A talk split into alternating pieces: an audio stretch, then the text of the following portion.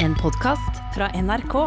Livet er fullt av etiske dilemma. Kjære Kari, ikke få panikk. tror nok uh, at jeg ikke ville ha kjøpt den angrepillen. Jeg ville satt veldig høyt å bevare familiefreden. Man kan jo si nei og være snill samtidig. Og det er ikke alltid så lett å vite hva en skal gjøre. Vi er enige. Vi sies hver søndag. Pressen derimot Jeg skjønner den er ve- veldig vanskelig situasjonen. Samtidig så er det jo kanskje litt dobbeltmoralsk, da.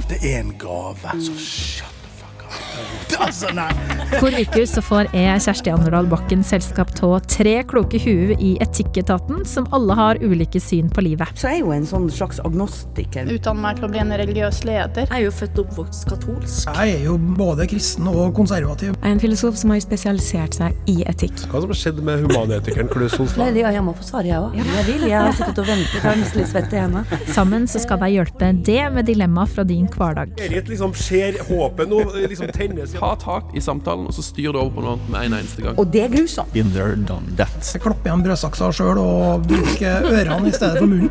Podkasten Etikketaten hører du først i appen NRK Radio.